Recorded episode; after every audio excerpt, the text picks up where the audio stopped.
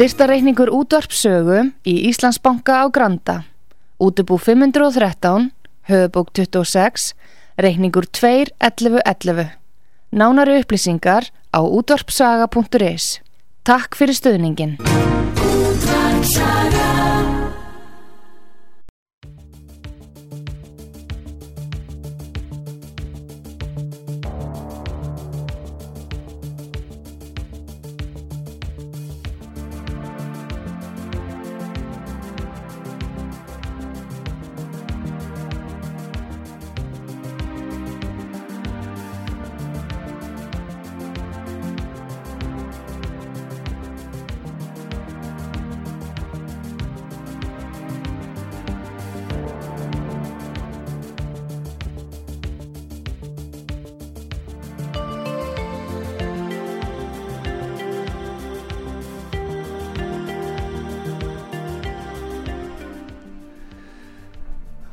Hlustendur, komið sæli, ég heit Arnar Þór Jónsson og um, í, til mín er komið góðu gestur.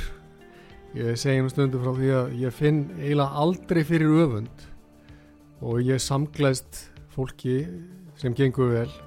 Það eina sem að fyllir mig, ég get viðkjent það í útvarpi, sem fyllir mig öfund stundum er, er ég hitti fullóna menn sem hafa svona þjætta og góða hásrót og skarta svona fallegu hári eins og viðmælandi mín gerir. En uh, þetta er hinn landsfrægi Magnús Skeving. Og uh, Magnús hefur hérna uh, náttúrulega skilað nú þegar alveg frábæru æfistarfi í formi hérna kennslu og fræðslu og, og verið svona. Hann er, hann er þúsund þjala smiður í bóstalegri merkingu, ert ekki líka ert ekki líka smiður? Jú, ég er líka smiður. Já En verður velkomin Magnús og, og takk fyrir að koma. Takk fyrir þetta. Hva, við, við erum svona búin að vera ræða það okkar á milli hvernig við ætlum að stilla þessu upp en þetta verður nú svona frjálst flæði en uh, grunnpunkturinn í því sem að við ætlum að leggja út frá er það ekki, er sko það er jafnvægis listin í lífinu. Jú, þetta er náttúrulega sko við erum oft hann við eigum það til að hoppa öðru köfum einn á vegarsaltið.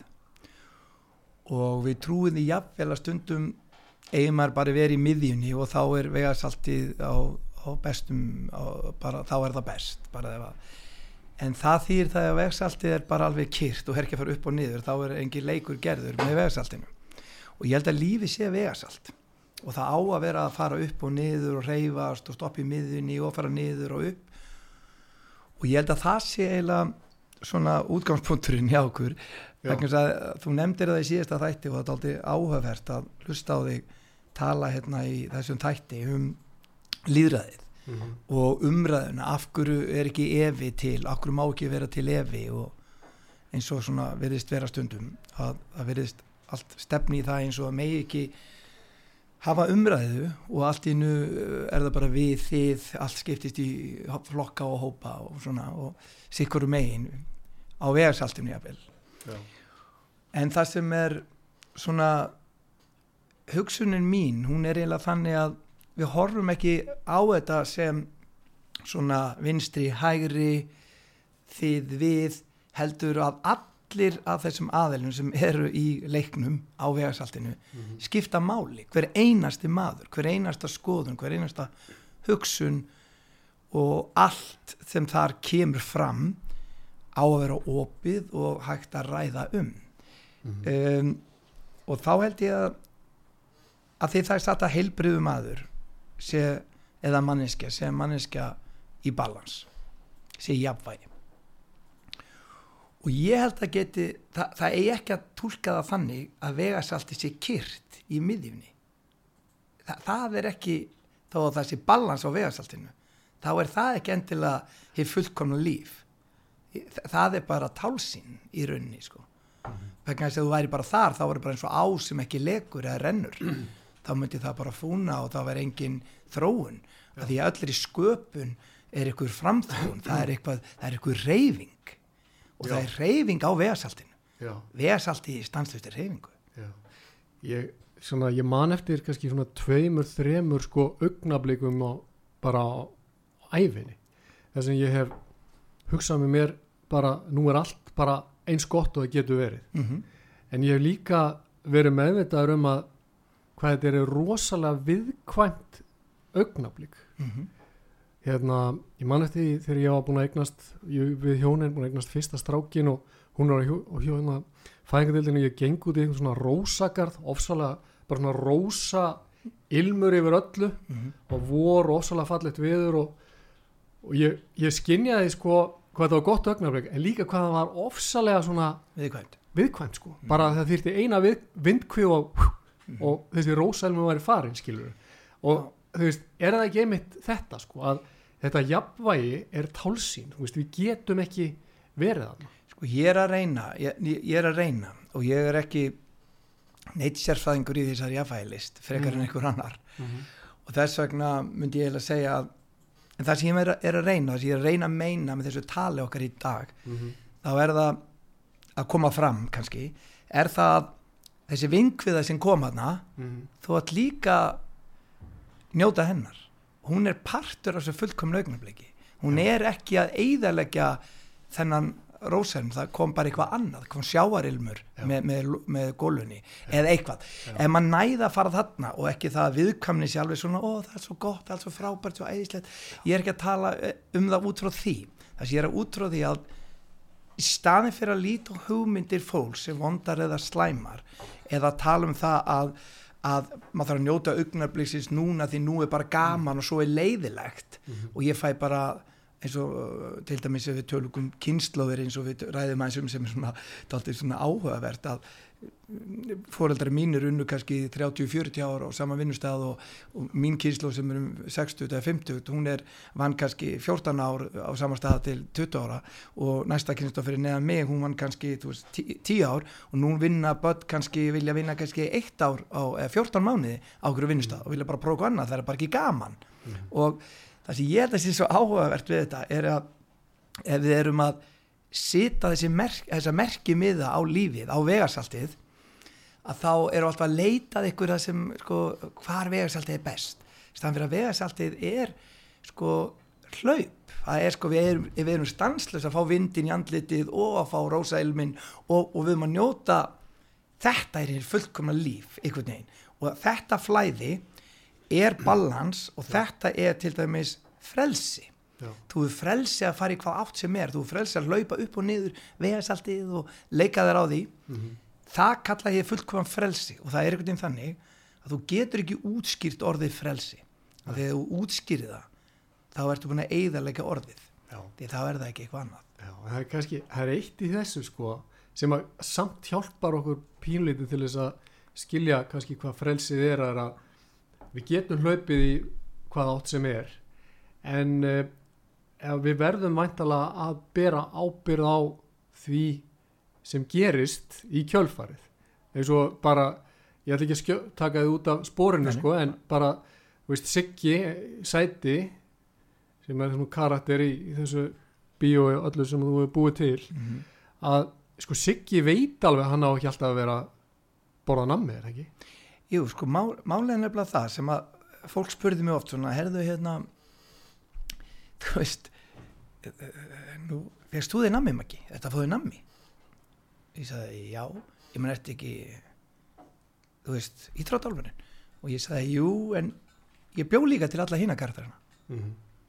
og, og það er eiginlega þannig að ef þú tekur ring kringum alla latabæja karakter eins og með íþróttálfin og glanna glæp og þú ert með sigga sæta og þú ert með höllur rekkis og þú ert með allt, allt, allt gengið þá er það ein heilbrið manneska ef þú gerur ringum alla þessa karaktera þú ert allar þessar personur Já. þú veist stundum íþróttálfurinn á þínum besta degi. Veist, ég get gert allt þú veist, næsta dag bara, að ég bara nenni ekki að gera þetta. Og, og ég held að það sé alltaf mikilvægt að hver einn er að berjast og það er allir í þessu alla daga að berjast á ég að fá mig smá nammi og næsta allir að taka aðeins á því? Og svona, þú ert að hlaupa á þessu vegarsalti allan daga. Það sem ég er að reyna að meina er að við dæmum ekki þá sem allt í hennu fá sér bara nammi. Mm. Þú veist, það er að sér reyna að segja og hennu verða þeir bara útskúfaðir að þeir er ekki nóg góðir að þeir eru ekki íþróttalvurinn, þetta held ég sé svo mikilvægt og, þetta, og, og, og það sem ég er ofta að velta fyrir mér er sko í þessum, þessar list að dansa hérna á salt, að það er oft þannig að við lítum stundum á vegarsalti sé að fara til anskotans veist, og jafnvel margir geta hugsað þannig að heimur vestnandi fer eða þetta er, það sé að alltaf fara svona til anskotan en í rauninni er þessi leikur á vegarsaltinu eiginlega að verða betri heimurinn að verða betri. Hann er rauninni að verða betri. En með okkar gildum stundum eða með okkar tilfinningu að þá höldum við þetta að sé eitthvað annað. Og það fáum við kannski út úr fjöðmiljum við fáum það út úr þeir, þeir, þeir, þeir tala mikið um kannski eitthvað sem er negatíft Já. Eða eitthvað slíkt eða þess að við komum til um að óttast mm -hmm. keira kannski á óttanum mm -hmm. og þá gera það verkum að við fyrir að einbæta okkur vera því okkar gildi verið kringum það og það er áhugavert að sjá það var bók sem hann gefur og sem ég hef mikið áhuga á sem heitir Raunvitund eftir Hans Rosling lækni í Svíþjóð og þetta er frábær bók þar sem að er með okkur staðrindir sem hefur gert í bara tíu ára er að búin að láta spurningar fara fyrir fólk í heiminum sem er alveg frá nóbærsveluna höfum upp í lækna uh, velnönd fólk, sérfræðinga, hvað sem er. Og svo simpansa hins vegar að svara þessum spurningum um heiminn, staðreinda spurningum um heiminn. Og það er eiginlega sko simpansa svaraði margfald betur Já, heldur en sérfræðingarnir og, og allt fólk sko. Og sem er áhverð um heiminn. Og ég, ég, ég hefði bara gaman að ég bara í svona ganni bara, þú veist að því, að því við um, spáma síðan sko bara hérna þegar við erum spurð einfalda spurninga um hvernig ímjöms málum heimsins sem er hátað af hverju fjölgar fólki hvað margur okkar konu fær í nám hver mörg okkar lifa í fátækt svör við ránt á kerfspundin hát svörunum meira segja svo raung að simpar, simpansar sem velja svörun að handahófi svara fleiri spurningur rétt en rannsóknblaða með fjárfestar og þeir sem er ímynd til og með til nóbusvöluna vandamáli er að við erum ekki meðveitum um vanþekkingu okkar og jáfnveil áginskan okkar eru litaðar á ómeðveitum eða fyrirsjálfum fordómum. Í rauninni án sem við vita, ómeðvita við vitum bara ekki alveg að við séum með það. Mm. og, og við vitum ekki alveg veist, hvað erum við að gera. Og það er til dæmis í þessari bók eins og á raunvitund sem er mjög skemmtilegt þá er þá flett á tíu kvötum sem afmynda sjónar okkar svona, þú veist þetta er svona pæling bara uh, og hvernig við skiptum heiminum við þau. Hvernig við lesum og upplýsum fjöðmila þar sem óttinn ræður ótt för sko. Um, til þess hvernig við skinnjum framfærir trúum því ástandi fær alltaf vestnandi í ljóskjöfun nefnilega þrátt verið alla vankanta sem standað heiminum er heiminum mjög betri en við getum haldið. Þegar við höfum stöða ágjör á öllu í staðins að vera opið fyrir að taka bara til til staðrenda missum við á sjónar á raumröðleikum og, og raumröðnum ógnum. Og það sem að og ég ætla bara fyrir hlustundur út að sögu, bara svona ganni. Ég ætla ekki að taka alla spurningi, ég ætla bara, bara svona smá. Og, og við verðum tilbúin að hugsa eins, betur hvað myndi ég svara? Mm -hmm. og ég tók þetta eins próf og ég var alveg jafn eitthvað svo allir simbansandi sko í rauninni sko. og það er til dæmis þessi. Mentun kvenna í láttekju löndum hversu hátt hlutfall stúlna í öllum láttekju löndum heimsins í dag líkur 11 ára bekk. Og við maður veltaði fyrir ykkur hvað þetta er í prósentum. Hvað væri það cirka bara allur heimurinn? Klára bara 11, 11 ára bekk. Mm, og, ekki, og heldur ekki lengra áfram. Nei bara, já, jú, jú, gæti að halda áfram allt bara klára 11 ára bekk. Já. Hvað væri það mikið í heiminum, hvað mörg prósent? Það verða 10%, 13, 12 hvað, hvað verða það? Vilt það ekki skil? Ég má prófa Ég það verður náttúrulega æskilegt að það væri sem hæst en maður átt að sjá því hvernig ástandi er í víða í heiminum. Ég má gíska það er náttúrulega undir okkur hvenna víða Já. í, í heimi. Já, það er allur heimurinn. Já, ég meina má ég gíska á má ég gíska á 70% í Svíþjóð var 11% af fólki sem giskaði rétt. Bandarækjum 10% Spáni 4% það eru 60% mm. og svo er þetta nærmum spurning. Tekjust um meira hlutans það þýr hvort þú sért að lífið í fátök, millistjætt, hástjætt eitthvað svona.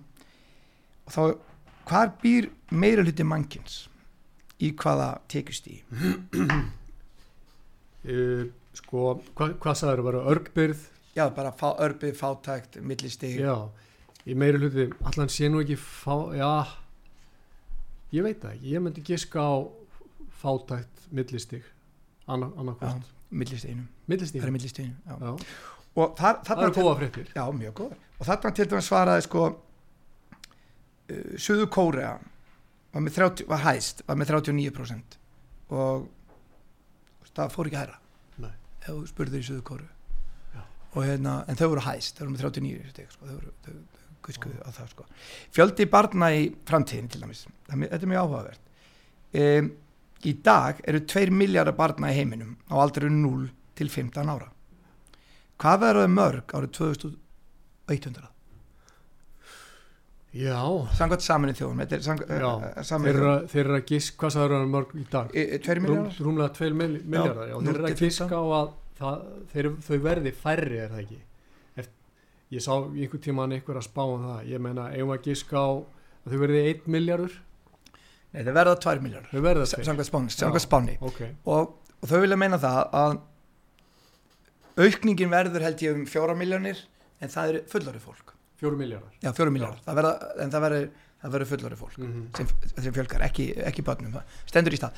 Þannig í rauninni, og þetta eru fullt af svona spurningum og simpassar er látni velja líka og svo er bara í, fullt af löndum.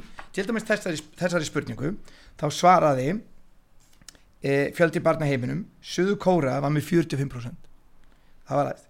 Já. og Japan var með 36% rétt svar. Spán með 21% Ungverðar með 12% og svo kall og kalli og en það sem er áhugavert við þetta sem að það sem ég er að reyna að segja er að við við eigum að vera alltaf tiltæk eða við eigum að vera opinn fyrir breytinni og við eigum að vera það opinn fyrir breytinni að því að, að, því að við eiginlega sko eigum það til að fara í svona rörsin og, og, og ég gerir það eins og allir aðrir. Og þess vegna hef ég hlustaði mjög ofta út af sögu og fólk segir mig hlustar þú út af sögu? Já ég ger það. Og ég lísta líka á rás 1 og ég lísta líka á rás 2 og líka bara eins mikla breytt og ég mjögulega get. Já. og ég reyna að hitta ótrúlega mismunandi fólk. Og reyna bara að hitta alls konar fólk til að fá alls konar skoðanir. Já, að því ég man nefnilega eftir því að líffæri vonin svona að rífast og svona saga um að líffæri var að rífast og, og beinagrindin var að segja sko eða vöðvarnir voru að segja ég er mikil vaðasta líffæri því að ég held ykkur bara, þú veist, ég er sterkur og kem ykkur ánfram og láta ykkur reyfi ykkur og gera allt saman, ég er mikilvægsta líffæri bara allir vöðvarnir sko. Svo sagði beinagrindin að ég myndi nú ykkur, ég held ykkur uppi sko, þannig að ég er nú bara mikilvægsta líffærið og líffærið og svo, og, og svo voru svona að rífast eitt og hjarta að ég pumpa nú blóði hérna án mín getur, getur ekki gert neitt sko. og heilin sagði, já, herðu ef þið væri bara að hlaupa út um allt þetta með vöðan ykkar og standa uppi á beinagrindin og pumpa ykkur úr blóði þá getur ekki án mín heilans getur ekki hugsað og gert eitthvað að viti sko. ég er fræðingurinn ég er merkilegastur svo sagði rass, rassin sko ég án mín ég gerir mesta gagn annars verður bara fulla skít. Þannig að sagan eða hugmyndarfræðin þarna er eiginlega svo allir skipti máli. Og ég held að það sé eitthvað sem við þurfum að spá í hugmyndarlega séð og þegar við tölum um fólk og erum að ræða við fólk að allir skipti máli.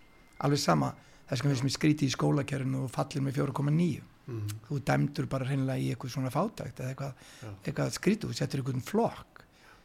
Samt hefur vafalust hefur alls konar, hef, fólk hefur alls konar hæfileika eh, sem að mælast ekki á þessum skala og getur verið frábæri listamenn eða, Já. veist, algjörlega.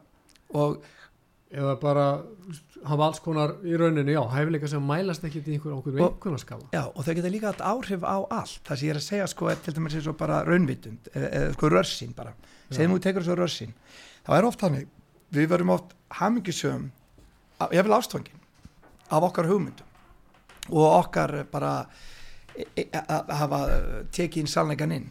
Og, og því það er þægilegt að renna sér niður sund, brautina bara niður rörið mm. og koma út og maður getur látið heilan sinn hugsa þá um hvað annað meðan, ég er bara búin að mynda mér hérna skoðun.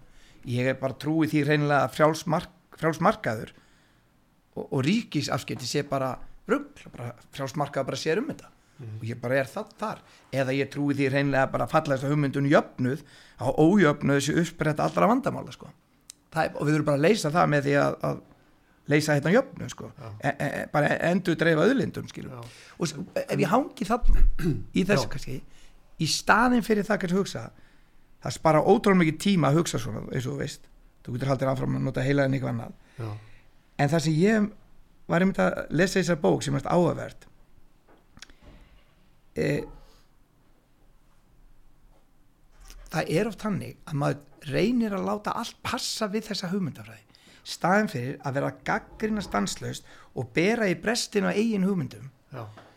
og hitta mismandi fólk að spá svona á speklura vera opinn fyrir þessar breytt á þessu vegarsalti.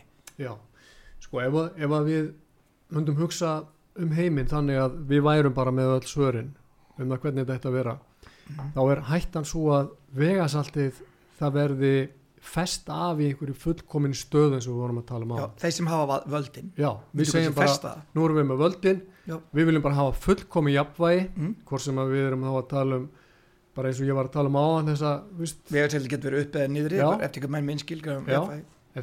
einmitt, það er ekki endilega víst að við höfum sömu sín á jafnvægi. Nei, alls ekki. En ef þú ætlar að skrúa það fast mm að þá er búið að taka út hérna, þetta flæði sem við erum búin að vera að tala um að búið að taka út svona fegurðina í líf og töfrana úr lífinu. Já. og, og í samskiptum. og í samskiptum og, og alltaf fara að sko stela allir þessari fegurð út úr hérna mannlífinu með þinni afmörkuðu frostnu hugmynd. Það endar bara á eitt veg. Það endar með, með því að þú verður að fara að beita fólk ofbeldi.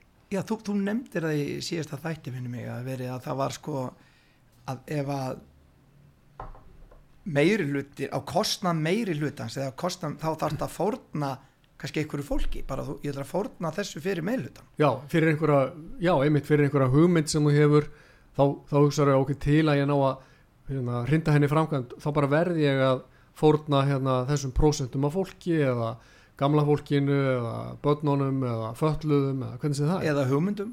Já, og bara fórna því að því að fyrir meiri hlutan það bara, það er, en það sem gerist þá er að þetta niche já, sem er svo skemmtilegt þetta alveg, þetta sem allt saltið vegarsaltið, það hverfur já, það verður einsleitt, já, það verður skrítið. Og, og, og það er einmitt þessi fjölbreytaleiki sem við erum alltaf að tala um sem er svo mikilvægur.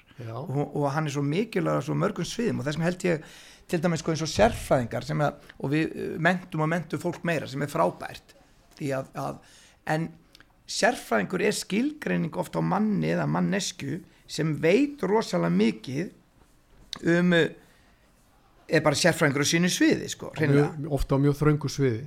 Já, og, og það getur verið erfitt fyrir marga eða sko, hann er, hann, er, hann er sérfræðingur á þröngu sviði. já, og hver er ekki sérfræðingur á einhverju sviði?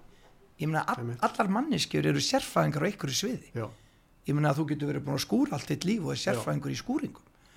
Ég skilur búin að eða æðifinn í það eða, eða teikna pínulítið strik á Rolls Royce mm með fjæðupenna sko -hmm. sem menn hafa gert. Og, og, og gert röndina í Rolls Royce sko. og tilengu sér æfin í það sko. og eru þá sérfræðingur þar. Og, og, en það sem er áhugavert við það, það er, var svona smá brandari og fyndið.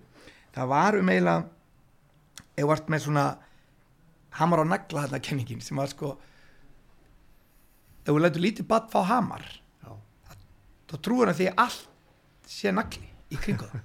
Þa, það lemur bara allt. Það bara trúir því að allt eigi við að sé nagli. Bara dú, dú, dú.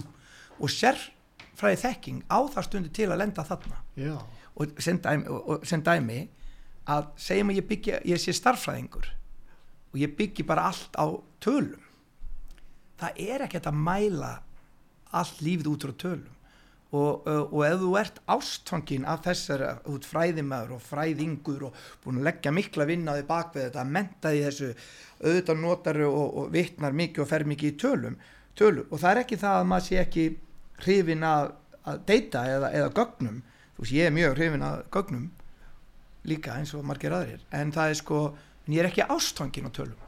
Ég er ekkit ástfangin á gögnum ég, ég er meira og þannig að maður passa sig að verða þá ekki ástfangin af þessu þá maður sem búin að leggja á sig mikið nám, maður þarf að vera opinn fyrir því að Já. hugsalega er ykkur önnu laus til. Eins og margir læknar til mig sem eru fræðingar stundum eru þeir nota yngripp af því þeir læriðu yngripp og þeir nota yngripp og stundum bjargar það bara. En stundum væri betra að nota bara fyrirbyggjandi. Mhm. og það væri bara ekkert yngri Mhm. og það væri bara ekki neitt, fyrirbyggja bara þegar barni var 30 ára, byrja bara bara að hotla mat eða eitthvað slíkt sko, Já. svo þegar það voru 40 ára var bara heilbriðara, þurfti aldrei þetta yngri Mhm. þannig að og það er stundum þannig að, að í Indlandi var frægur læknir eins og sem kemur fram í þessar bók líka sem ég las sem var þetta áverð, það var dansku læknir sem vildi lækna í Indlandi sem sagt berkla og fór á fulli það að búið til rútu förum og mælum bara þetta í þorpum í Indlandi kerði um og, og þá bara tók svona skönn, skanna fólk að það væri með berkla til að útrýma þessum berklum. Fólk var alveg brjálað í landinu. Vegna þess að fólk var bara veikt í þorpunum sem að koma í það þurfti alveg, það var fóbrotið, það var með niðugang, það var með álskonar mál. Og þetta var ekkit lausnin. Lausnin hefði kannski verið bara grunnþjónust í helbriðskerfi Já, í staðan fyrir að fókusera á þetta eina. Já, heldur að fókusur á þennan bíla rúnda um á rútu og reyna að taka berkla. Það hefði kannski verið Já. mikið betra að gera hana. Þannig að þess að segja það þarf oft allan öll lífærin Já, Til þess að- já, og í umræði þarf þetta líka. Já, þetta er bara eins og menn taka hérna uh, dæmi mitt um hljómsveitina þú veist, þegar hljófærin fara að rífast. Ég meina það er ekkert í rauninni þú getur ekki búið til tónverk og spila glæsilegt tónverk nema þú hafir á hljófærin og þú getur ekki starfrætt líðræði nema þú hafir alla tónana í notir í rauninni alla tónana í hörpunni. Annars er ekki líðræði Nei. En það sem er alltaf áhverð þetta og tekur tónlist í mínu huga er tónlist hugmyndafræði og hugmyndir. Tónlistaverk er hugmynd. Og það er bara ég sem hérna eitthvað flott lag. Og það er hugmynd eða, eða svona call to action. Það er eitthvað sem ég, ég ger eitthvað og, og bý til lag. En ef þetta er ekkert lag við tökum bara jazz, flæði mm. allt annað, það er lífið mikið meira, lag að því að, að, að koncert er ekki lífið.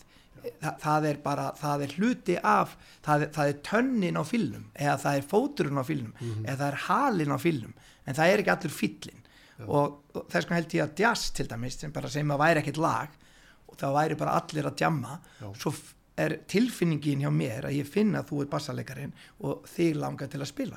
Þá bakka ég hans á trommanum og þú kemur inn Já. og þá verð ég finn það þess vegna held ég þessi svo mikilvægt þegar við erum í samfélagi það er þessi næmni í fólki að finna svona samfélagi hvernig það hvernig þeim líður En verður þá ekki, Magnús, við þessar aðstæður sem þú ert að lýsa, er þá ekki svo mikilvægt einmitt að allir fái að vera með, allir fái að taka þátt? verður að vera og það er, það er hlustunin á hina sem minnimátt eru e, fátækir eða hvað sem er Já. eða jafnvel þeir sem eru ríkir. Það skiptir hún ekki allir máli. Já. það er að hlustun á alla við í hljónsettinu sko. Hver, hvernig, hvernig þetta er. Og ég held að sé þannig að það var gert ykkur svona að- vera að spekla hvernig fólk er hamingisamt hvernig líður fólki best. Og ég var einmitt að stútir þetta mikið og ákvaða svona ef ég ímyndaði að þetta væri sundbrautir bara segjum að lífið sér þannig að þú opnar uh, bara dyrnar og þú gengur inn og þar eru sundbrautir bara segjum að séu bara tíu. Þú opnar bara dyrnar þú hafi nægilegt sjálfströst til að þóra að fara að inn. Þú opnar og þú ætlar að stinga það í hvaða laug sem er.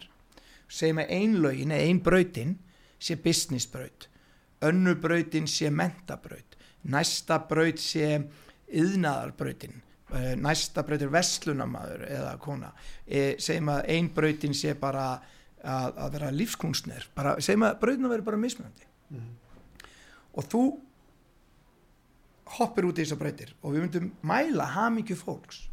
Og myndum hugsa, er það ma manneska sem er hamingjusöm sem að er, veit opbáslega mikið um eitt, kannski eina braut lítið um næstu, ekkert svaka mikið um næstu og svo minna og minna kemur svona ding, ding, ding, ding, ding, þannig veit opbáslega mikið um, um tölur, veit pínu lítið um giftingar, nánast ekkert um bíla rosa lítið um, um ketti.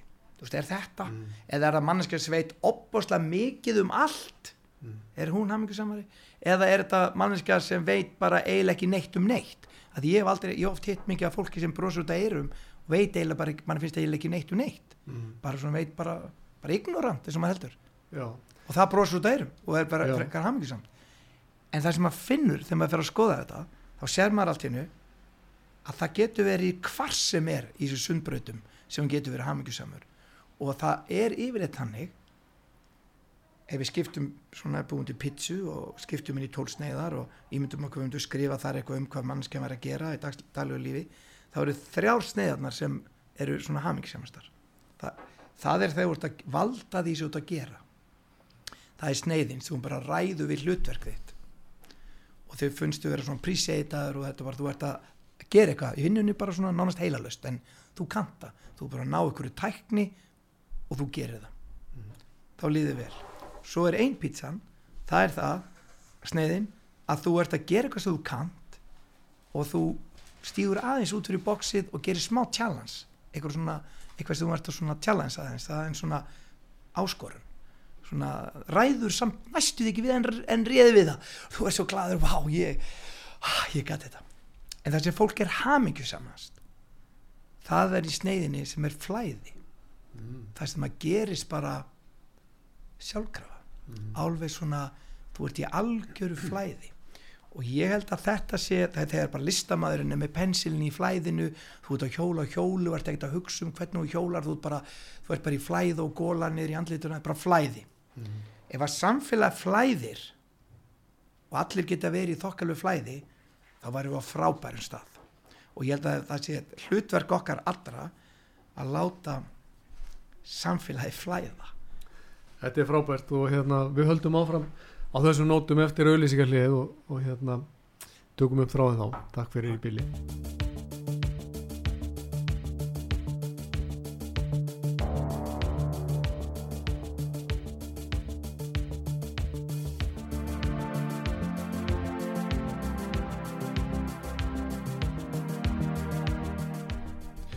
Já, komið sæl aftur, þetta er Arnáður Jónsson og gestur minn í dag Magnús Skeving og við vorum að búin að vera að fara svona vitt og breytti við svið og rétt ánum við gerum auðlýsingarlíða og vorum við að ræða um það hvað er það sem gerur okkur sko í rauninni hamingjusum eða fyllir okkur fyrir tilfinningu að við höfum að lífa okkar þjóni tilgangi.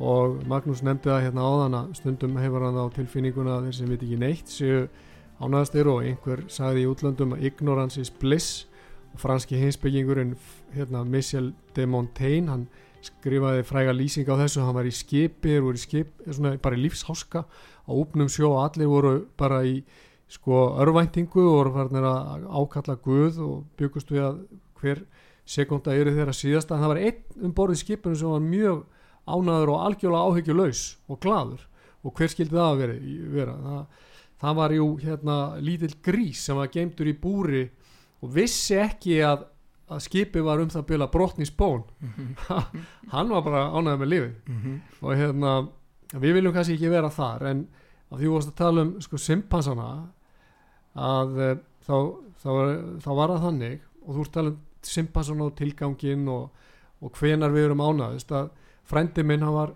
eh, þunglinsjúklingur í mörg ár og en hann eiginlega læknaði sjálfa sig eftir að vera á livjum og í meðferðum og svona.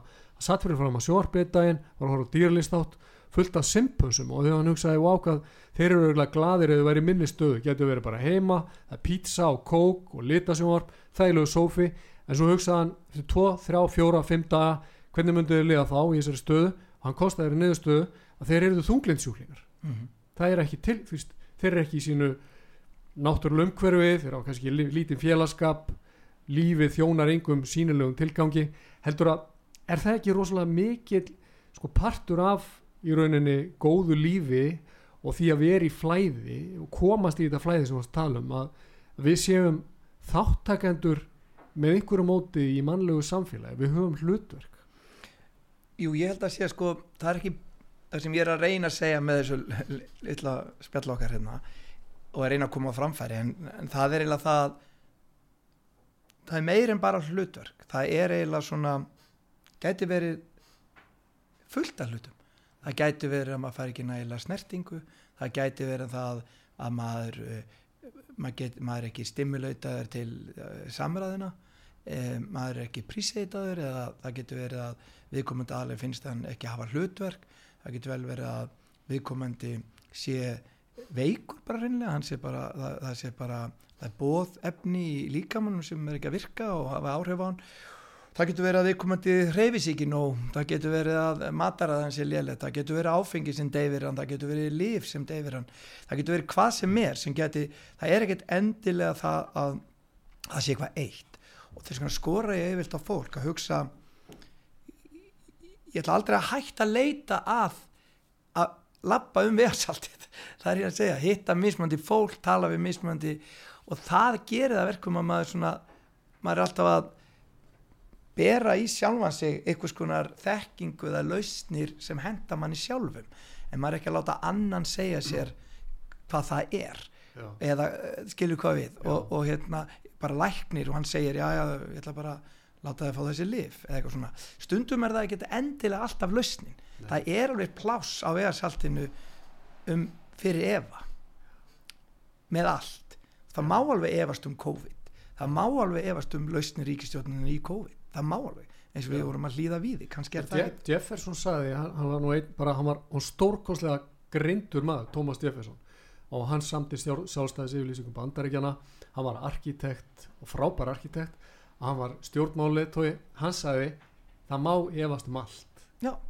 Og er það ekki bara ágættis útgangspunktur í þessi sem að jú, við erum að tala jú, um sko? en það sem, það sem ég held að megi setja fyrir aftana já, að þegar þú efast um eitthvað þá ertu ekki endilega negatífur eða það, það sé slæmt. Það getur verið partur af bara já, að heilbriðri skynsemi og bara gaman eða skemmtilegt að efast um eitthvað. Já. maður þarf ekki alltaf að vera bara sammálaði maður má alveg íta bílum aftur og bak og amfram já, og þú finnir hérna frábært vegasalt og að það var ekki þar með sagt að við ætlum bara viljum þessi gaman að vera bara alltaf þar.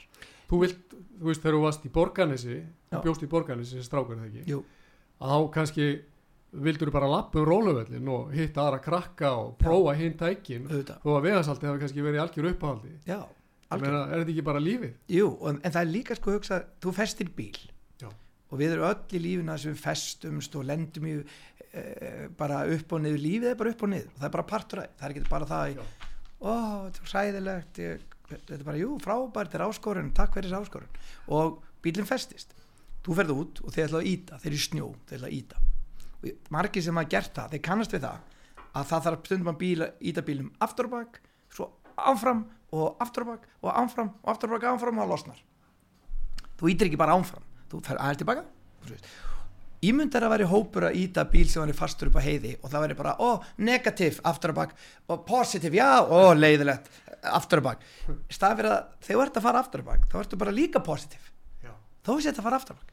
Það verður bara, hei, ítum, já, Já, fram og Þú ert í sveiflunni sko. Þú ert í sveiflunni.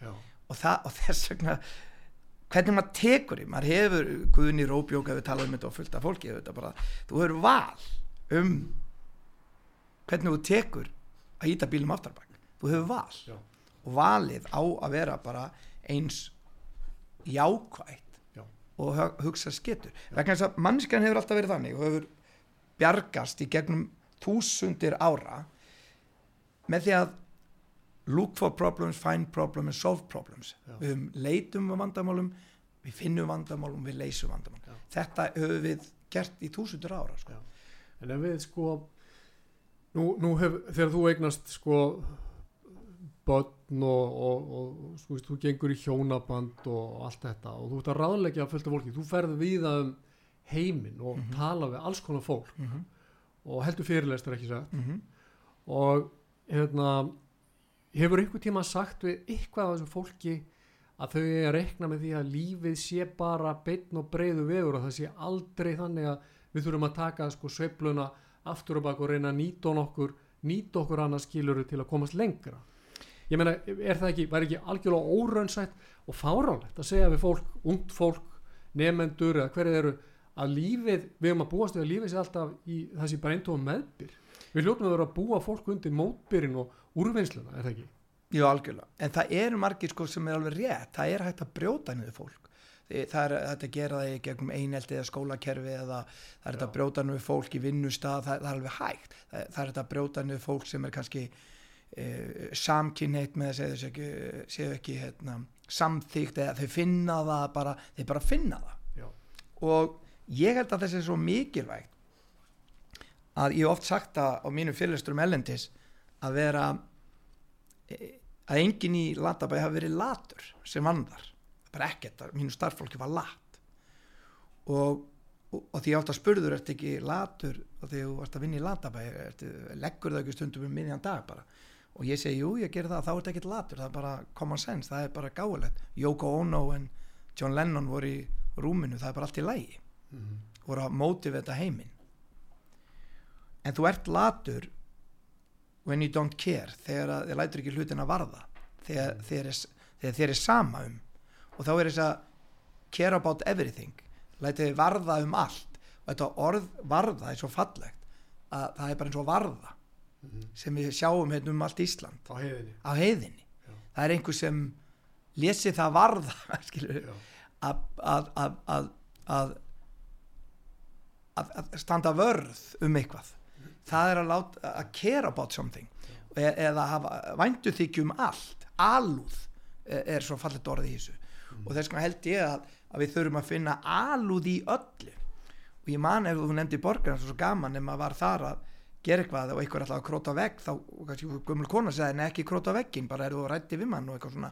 Og það voru allir með í þessu sko. Það voru allir með í að, að ala upp all börnin í bænum sko. Mm. það voru allir með.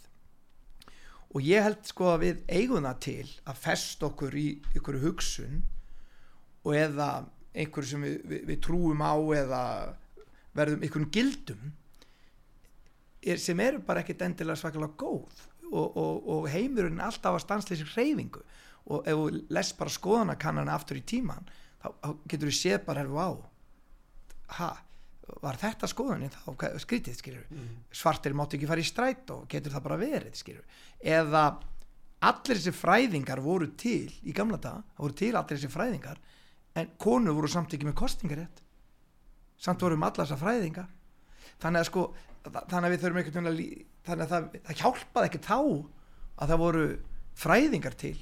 Og við getum ekki tala hlustum bara á fræðingarna hlustum á sérfræðingarna hlustum á sérfræðingarna það er engin laust það, það, það er mögulega líka verið að gera verra þess að ef þú segir bara ef þetta er viðkvæð, hlusta á sérfræðingar og svona, þá ertu að taka ábyrðina sem við tölum um áðan frá fólki Já. og það getur valdið alls konar vand, sjálfstæðum vandamál. Já, en fólk er ekki að gera þetta því það er vond er ekki, við erum ekki að gera þetta því að, að við erum vond, þetta er, þetta er auðveldara fyrir okkur. Því að, því að maður sagt stundur láttu latast að manni vinna verkið þannig finnum við auðvöldustu leiðina. Að því það er píndið þannig að sko líkaminn gerir það líka. Þannig að það er auðveldara fyrir okkur að vera með svona rörsín mm. hoppin í rörin, ég er búin að ákveða ykkur á skoðun og da da da og ég held til dæmis að ég hlusta ofta út af sögu eins og ég sagði þá að því ég vil hlusta á hvað fólk er að segja þar líka, alveg eins og hlusta á okkur aðra annar staðar að tala um eitthvað annað þeir sem ringja ekki inn út af sögu og þá vil ég ekki dæma fólki út af sögu og, og þú veist, minnst það bara fáránlegt Já. en það sem ég myndi líka segja við hlustendur út af sögu sem er að ringja inn það væri, hugsiði líka um það sjálf? Er við hugsaðlega först í einhverjum gildum sem hafi ekki breyst?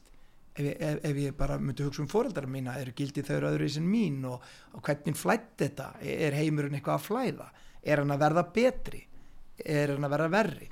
Og passa sig að taka ekki einstök dæmi og dæma út á einstökum dæmum og taka heldur ekki kannski meiri hlutin og minni hluti vegna að meiri hlutin getur verið 51% og getur líka verið 99% og, og, og þó að meiri hlutin 99% séu einhver einni skoðun þá getur hann haft kólrámt fyrir sig algjörlega. Það er líka staðrinn þannig að þetta er góð kvartning til hlustenda hér sem er að hlusta okkur núna og rauninni bara til allra sem á við okkar verða hvernig á til þess að sko, vera tilbúin að horfa í eigin barm og hugsa veitu, er ég með hef, hef ég svona algjörlega rétt fyrir mér að ég geti farið og, og bara aðra í hausin með þeim hamri. Já, og jáfnvel sagt við sjálfansi sem ég hef svo, þess vegna er svo gaman ég segi við fylgta fólki sem er að segja já, út á saði eitthvað að ringa inn og eitthvað þetta er svona fólk, svona fólk. Ég segi, þau eru þá að ringa inn. Þau eru þá að tjá rödd sína. Já. sem er sko, þau eru þá allan að gera það. Og þau eru ekki latar en það. Og, og, og þess vegna er að þau eru þá alla að venna að taka þátt. Og, og ég held að það sé mikilvægt að maður þurfa að hugsa alltaf þegar maður er að taka þátt í einhverjum skoðunum eða eitthvað svona er hugsalegu möguleiki að þetta sem ég er að leggja fram núna þess, mína skoðun á þjóðfélagsmálum eða eitthvað svona að hún er ekki endilega alveg rétt en hún er svona partur svona upplifið í þetta núna. Þetta er tilfinningi mín. Og ég er alltaf með hugsun í hausnum finnst mér þetta eða veit ég það? Er, sko, finnst mér það eða veit ég það? Þú veist ef ég myndi segja sem dæmi bara já ég held að ég held að þetta, konur ef ég ætti til að svara spurningunni Maggi hvað myndur þú halda hérna uh, að kallar sem eru 30 ára í öllum heiminum þau eru, þeir eru á meðaltali 10 ár í, í skólakjörun í námi. 10 ár á meðaltali. Þú heiti 30, 30 mann og þú tekur allan heiminn meðaltali þá er það 10 ár. Hann er búin að vera 10 ár þá. Í, já, svo myndum við vera að spurða það en konur hvað myndir þú halda með að konur væri lengi? Og þá get ég sagt já konur er náttúrulega náttúrulega undir að hlýtur að vera og allt það og ég myndi koma ykkur á skoðun. Já það er talibanan kúa konur og ég get allir svona fundið upp álskonar fyrst sem er ekki, ekki fundið upp heldur bara tekið svona þekking og séu blöðunum og svona. Og þá myndi ég áalla að það væri kannski fimm ár eitthvað svona. En talan er og, og svo myndi ég vera spurður að því veistu þetta? Eða heldur þetta? Já, og ég með þess að mikla skoðun bara, það, þetta eru bara svona öruglega fimm ár bara eitthvað svona, þetta eru fimm ár, myndi ég alltaf þetta væri bara fimm ár og, og svo bara er þau veistu þetta? Eða heldur þetta? Og þá myndi ég að ég, ég held þetta ég veit þetta ekki alveg en ég held þetta. Og svo kemur, kemur svarið það eru nýja ár. Með konuður já, það eru nýja ár. Já, merkilega. Og, og, og, þannig heimurinn er að batna en auðvitað að konur að vera auðvitað að þetta vera meira auðvitað þú veist við erum að le, það skal umræðin svo nöðsilegt við þurfum að gera betur Já. og svo bla bla bla og þess vegna held ég að sé stundum þannig að þegar maður festi sig í gildum eins og prinsipmenn eða manneskur mér finnst það á tættilast af fólkið Já, því að þau láta þá kredduna og hugmyndi sínar um hvernig vegasaltið á að vera stýra, þau vilja láta stýra lífi allra sem er inn á leikvellin mm -hmm. og þau vilja festa nákvæmlega svona. Já. og ef þú vilt ekki hlýða því þá bara skaltu það vera þetta er, þetta er hættur tól líka því að bara aðstæður geta breyst heimurinn er alltaf að breytast. Já. við þurfum alltaf að vera að endur skoða okkar hugmyndir. Alltaf. Já, sko og prinsipi gæti líka verið þannig þú getur verið með eitthvað prinsip, ég verið aldrei þetta bara prinsip, ég er prinsip, prinsip, prinsip. Og það er alveg kannski gott og gilt ef viðkomandi segir ég er með svona prinsip og ég veit það ég ber virðingu fyrir því um prinsipum. En það verður líka gaman að myndi segja en aftur maður skilji alveg öll önnu sjónamið en ég er bara fastur þarna núna. Já, þarna er ég núna. Ég er á þessum tíma ramma í mínu lífi ég er bara fastur þarna miðað við mína reynslu og miðað, miðað við mína upplifun af heiminum, þá er ég fastur í þessum prinsipum. Já. og því miður, en ég skil kannski alveg að þú sett bara Já. alls ekki þar. Nei, sko prinsipin geta verið þjóna sem ákveðin svona áttaviti skulum segja það. En svo gerist eitthvað bara í, í lífiðinu eða í umhverfinu sem að veldur því að þú þart raunverulega að reyna að komast á einhvern stað í lífinu þar sem þú getur tekið áttirnar aftur Já, skilur já. að áttavitin hefur kannski orðið til þess að þú bara klestur á vegg. Og þá, þarf, þá þurfa menn að, sem eru tilbúinur að endur skoða hugmyndi sínar að, að gera það.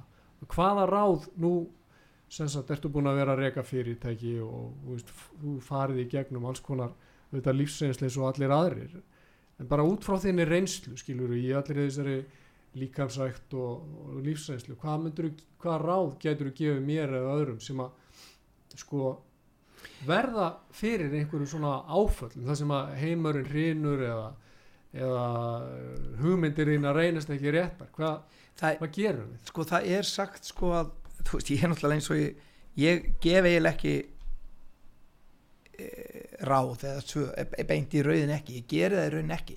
Af því að ég held að það sé hættulegt að segja þessi æfingi líka sætt er æfingi svo að gera svo allt hinnu kannski kemur það í ljós 20 ára setna að þetta var ekkert endilega góð æfing að gera. Þannig ég hef alltaf forðast það. Þess vegna hef ég ekki tekið þátt í mikið í svona ég hef aldrei sagt fólki hvað ég að gera. Ég hef bara raun aldrei gert það. En sko, en það sem ég vil ég vil móti vera fólk að ná út úr sjálfum sér besta sem hann vil fá út úr lífun, einhvern veginn. Eh, og ég myndi halda að við værum að drifkraftur sé svona stór þáttur í því hvernig maður eigur sín einn drifkraft. Hvað er drifkraftur og sköpunarkraftur og svona? Og maður þarf að velta því fyrir sig hvernig maður nær því Fyrst þér heldur að sköpun skipti miklu máli að því vorum tala um hvað gerur okkur ánætt skiptir öllu máli, öll sköpun skiptir máli að vera kreatív það er allir kreatív með sköpun það er hvernig þú klæðið þig, hvernig þú nota tungumálið. Það eru allir eitthvað kreatív sem ég segja ég sé ekki, ég er ekki kreatív eða ég er ekki svona kreatífur Já, ég kann ekki að teikna, ég kann ekki að spila hljóðfæri. en það getur vel verið Hvað segir þú þá? þá segir ég bara, það getur hvernig þú nota tungumálið það er hvernig þú klættið þig í morgun það getur verið hvernig þú byggir upp samfélagið bara með þinni, þínu brosi ertu bara, ertu að byggja upp fullt? Það getur svo mikið. Og maður þarf að taka hana drifkraft og reyna að finna hvað gefur maður hana drifkraft? Hvað gefur maður, hvað er það bara? Og drifkraftu drefst yfirleitt þegar maður er í umhverfi sem er það sem er ofbeldir það sem að eh, einhvers konar vald það er, það er drifkraftu deyr þegar að þú ert óttastlegin þú, þú, ert, þú ert drifkraftu deyr þegar þú mátt ekki gera mistök. Þú veist, ert alltaf að passa að þú mátt ekki gera mistök þá, þá, þá deyr drifkraftu þá þorir enginn að, stíga út fyrir bóksin og gera eitthvað og ha, ég, má, ég má gera mistök. Og, og, og, og að því við rættum um það áðan við vorum að tala um listamennin í flæðinu árið 1400 þá, eða, eða, fyrir 2000 árum þá, mætti bara listamæður í vinnuna og geniin eða meistarinn kom út úr andin kom yfir þig í, í, úr veggjánum bara og andin kom yfir þig. Og ef að málverkið og málaðar ekkert í dag að viti þá gafstu satt við viniðin að já ég bara hérna andin kom ekki yfir mig. Það kom ekki meistarinn bara the genie kom ekki. Og allir voru bara í lægi með það. Það var engin pressa á þér að gera betur en það. Og svo um 1400 þá einu byrjuðu eftir bara þann tímabil bara reynisann tímabilum eftir það þá byrjuðu fyllt að listamönnum bara að drekka meira og meira eh, sjálfsmorð og alls konar svona. Menn skildi ekki í þessu okkur þetta væri meiri þessum að, en einhverjum öðrum hérna, okkur var þetta ekki bara í verkfræði og þá sko þá var þetta því að þeir urðu dýnjinn, þeir urðu meistararnir. Fólk, þeir sjálfur listamennir. Þá var litið á þá, herru þú ert meistarinn. Og álæði bara að koma axlindan á þeim bara, dum, þú málaði geðvegt málverk og á morgun átt að mála annað, já, frábært. Það bara kemur bara, þú ert bara í tauga rúa og byrjar að deyfa þið með alls konar áfengi og endalum bara lendur, lendur í vandræðum. Að þú gætst ekki sett afsökun að herru dýni inn eða meistarinn eða, eða andin kom ekki yfir mig og ég held að það sé svo mikilvægt að við leifum þegar drifkraftur er að við höfum sköpunina að þú meir bara mistakast. Og í litur land á Íslandi nei þessi mistótt, hann er bara útskoðaður. En við lifum í raun og veru á tíma þar sem að mistök eru ekki í bóði það er svo margt í okkar menningu einhvern veginn sem að hliður undir það.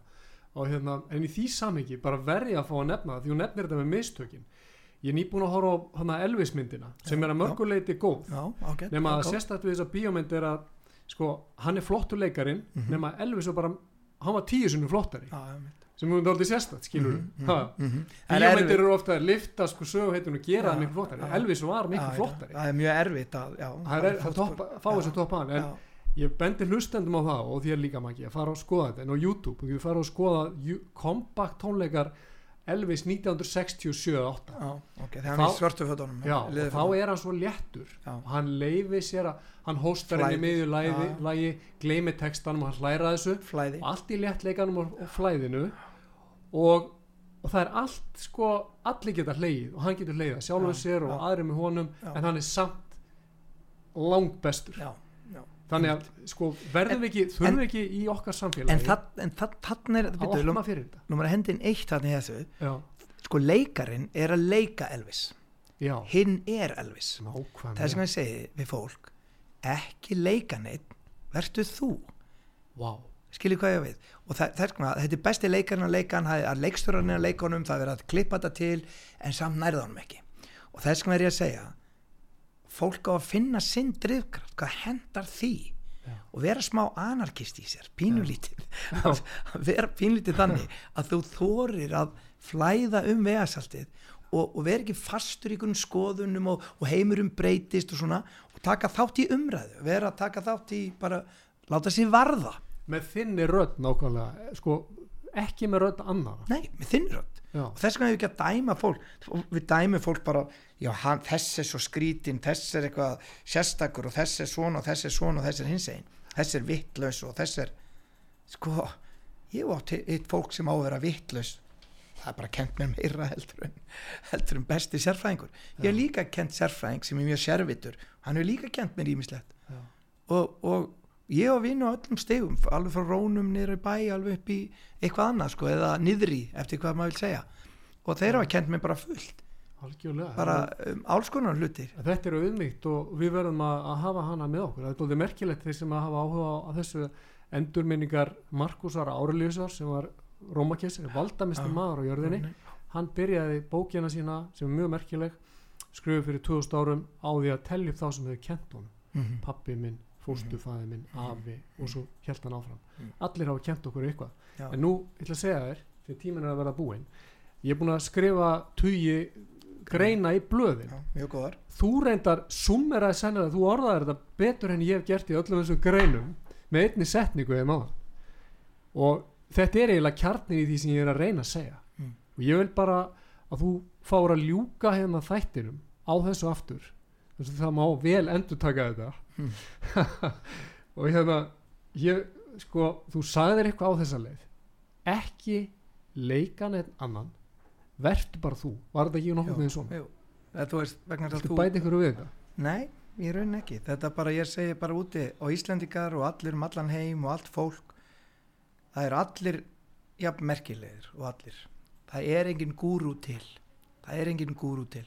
Það er bara til vennlegt fólk sem er bara vennlegt fólk sem stýgur upp eða niður og við getum lært á öllu þessu. Mm. og við hefum bara að taka þátt. Við hefum ekki að standa til hliðar og stíga til hliðar. Og ég er svo ég heyrði það hérna í þínu þætti og fór að hugsa um að öðruvísi ég, ég veit ekki hvort ég hafi tvær sekundur að þá manni eftir þegar var að tala um að reyfingin þegar Hitler æskan og, og Hitler setti reyfinguna með hendin út í loftið þar sem allir átt að setja hendin út. Og þetta fór um a- allt land og þeir gátt ekki að vera að menta fólki allir svo humdafræði þá letu að gera reyfingu þá sást það bara utan á þér því að þú gæsti verið með einhvern mið á hendinni með einhvern hakakross og þá, jú, þetta er hann en, en ef ég læti gera reyfinguna þá er hann alveg seldur.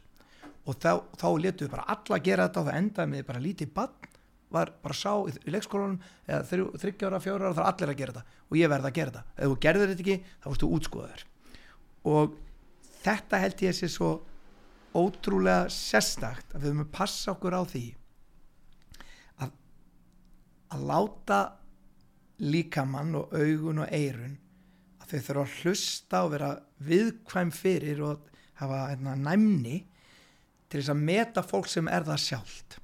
En þarf ekki að vera eitthvað annað hvorki með reyfingum nýja talsmáta eða miðum eða límiðum eða hverju sem er Heldur þú sé margt í okkar samtíma sem að knýr okkur og er að reyna að þvinga okkur í það að gera þessar reyfingar, tala þessi orð, að sína Já. að við séum í ykkur liði? ég held að sé meira núna og ég held að þessi reyfing Já. sé orðin til dæmis like á Facebook Já, það er til dæmis, Í- Já. þú þarft að íta á takkan og læka og ef þú lækar ekki þá er þetta jafn slæmt og þú lækar stundum einmitt. tekur ekki þátt og ég held að það sé jafn slæmt þannig ég, það er umhugsunarvert Já, ég er saman. En segðu nú einu svona í lokin aftur, Magnús, þessa setningu og svo ætlum ég að fara heim og prenta hann út og ramma hann inn, hann ég veginn. man nú ekki alveg nákvæmlega hvernig ég sagði hann en ég held að Jú. hún hafi verið einhvern veginn svona að þú átt ekki að leika neitt þú ert bara að vera þú sjálfur Amen. Takk fyrir í dag, takk fyrir að hlusta. Magnús, takk fyrir að koma. Takk. Þættum við loki.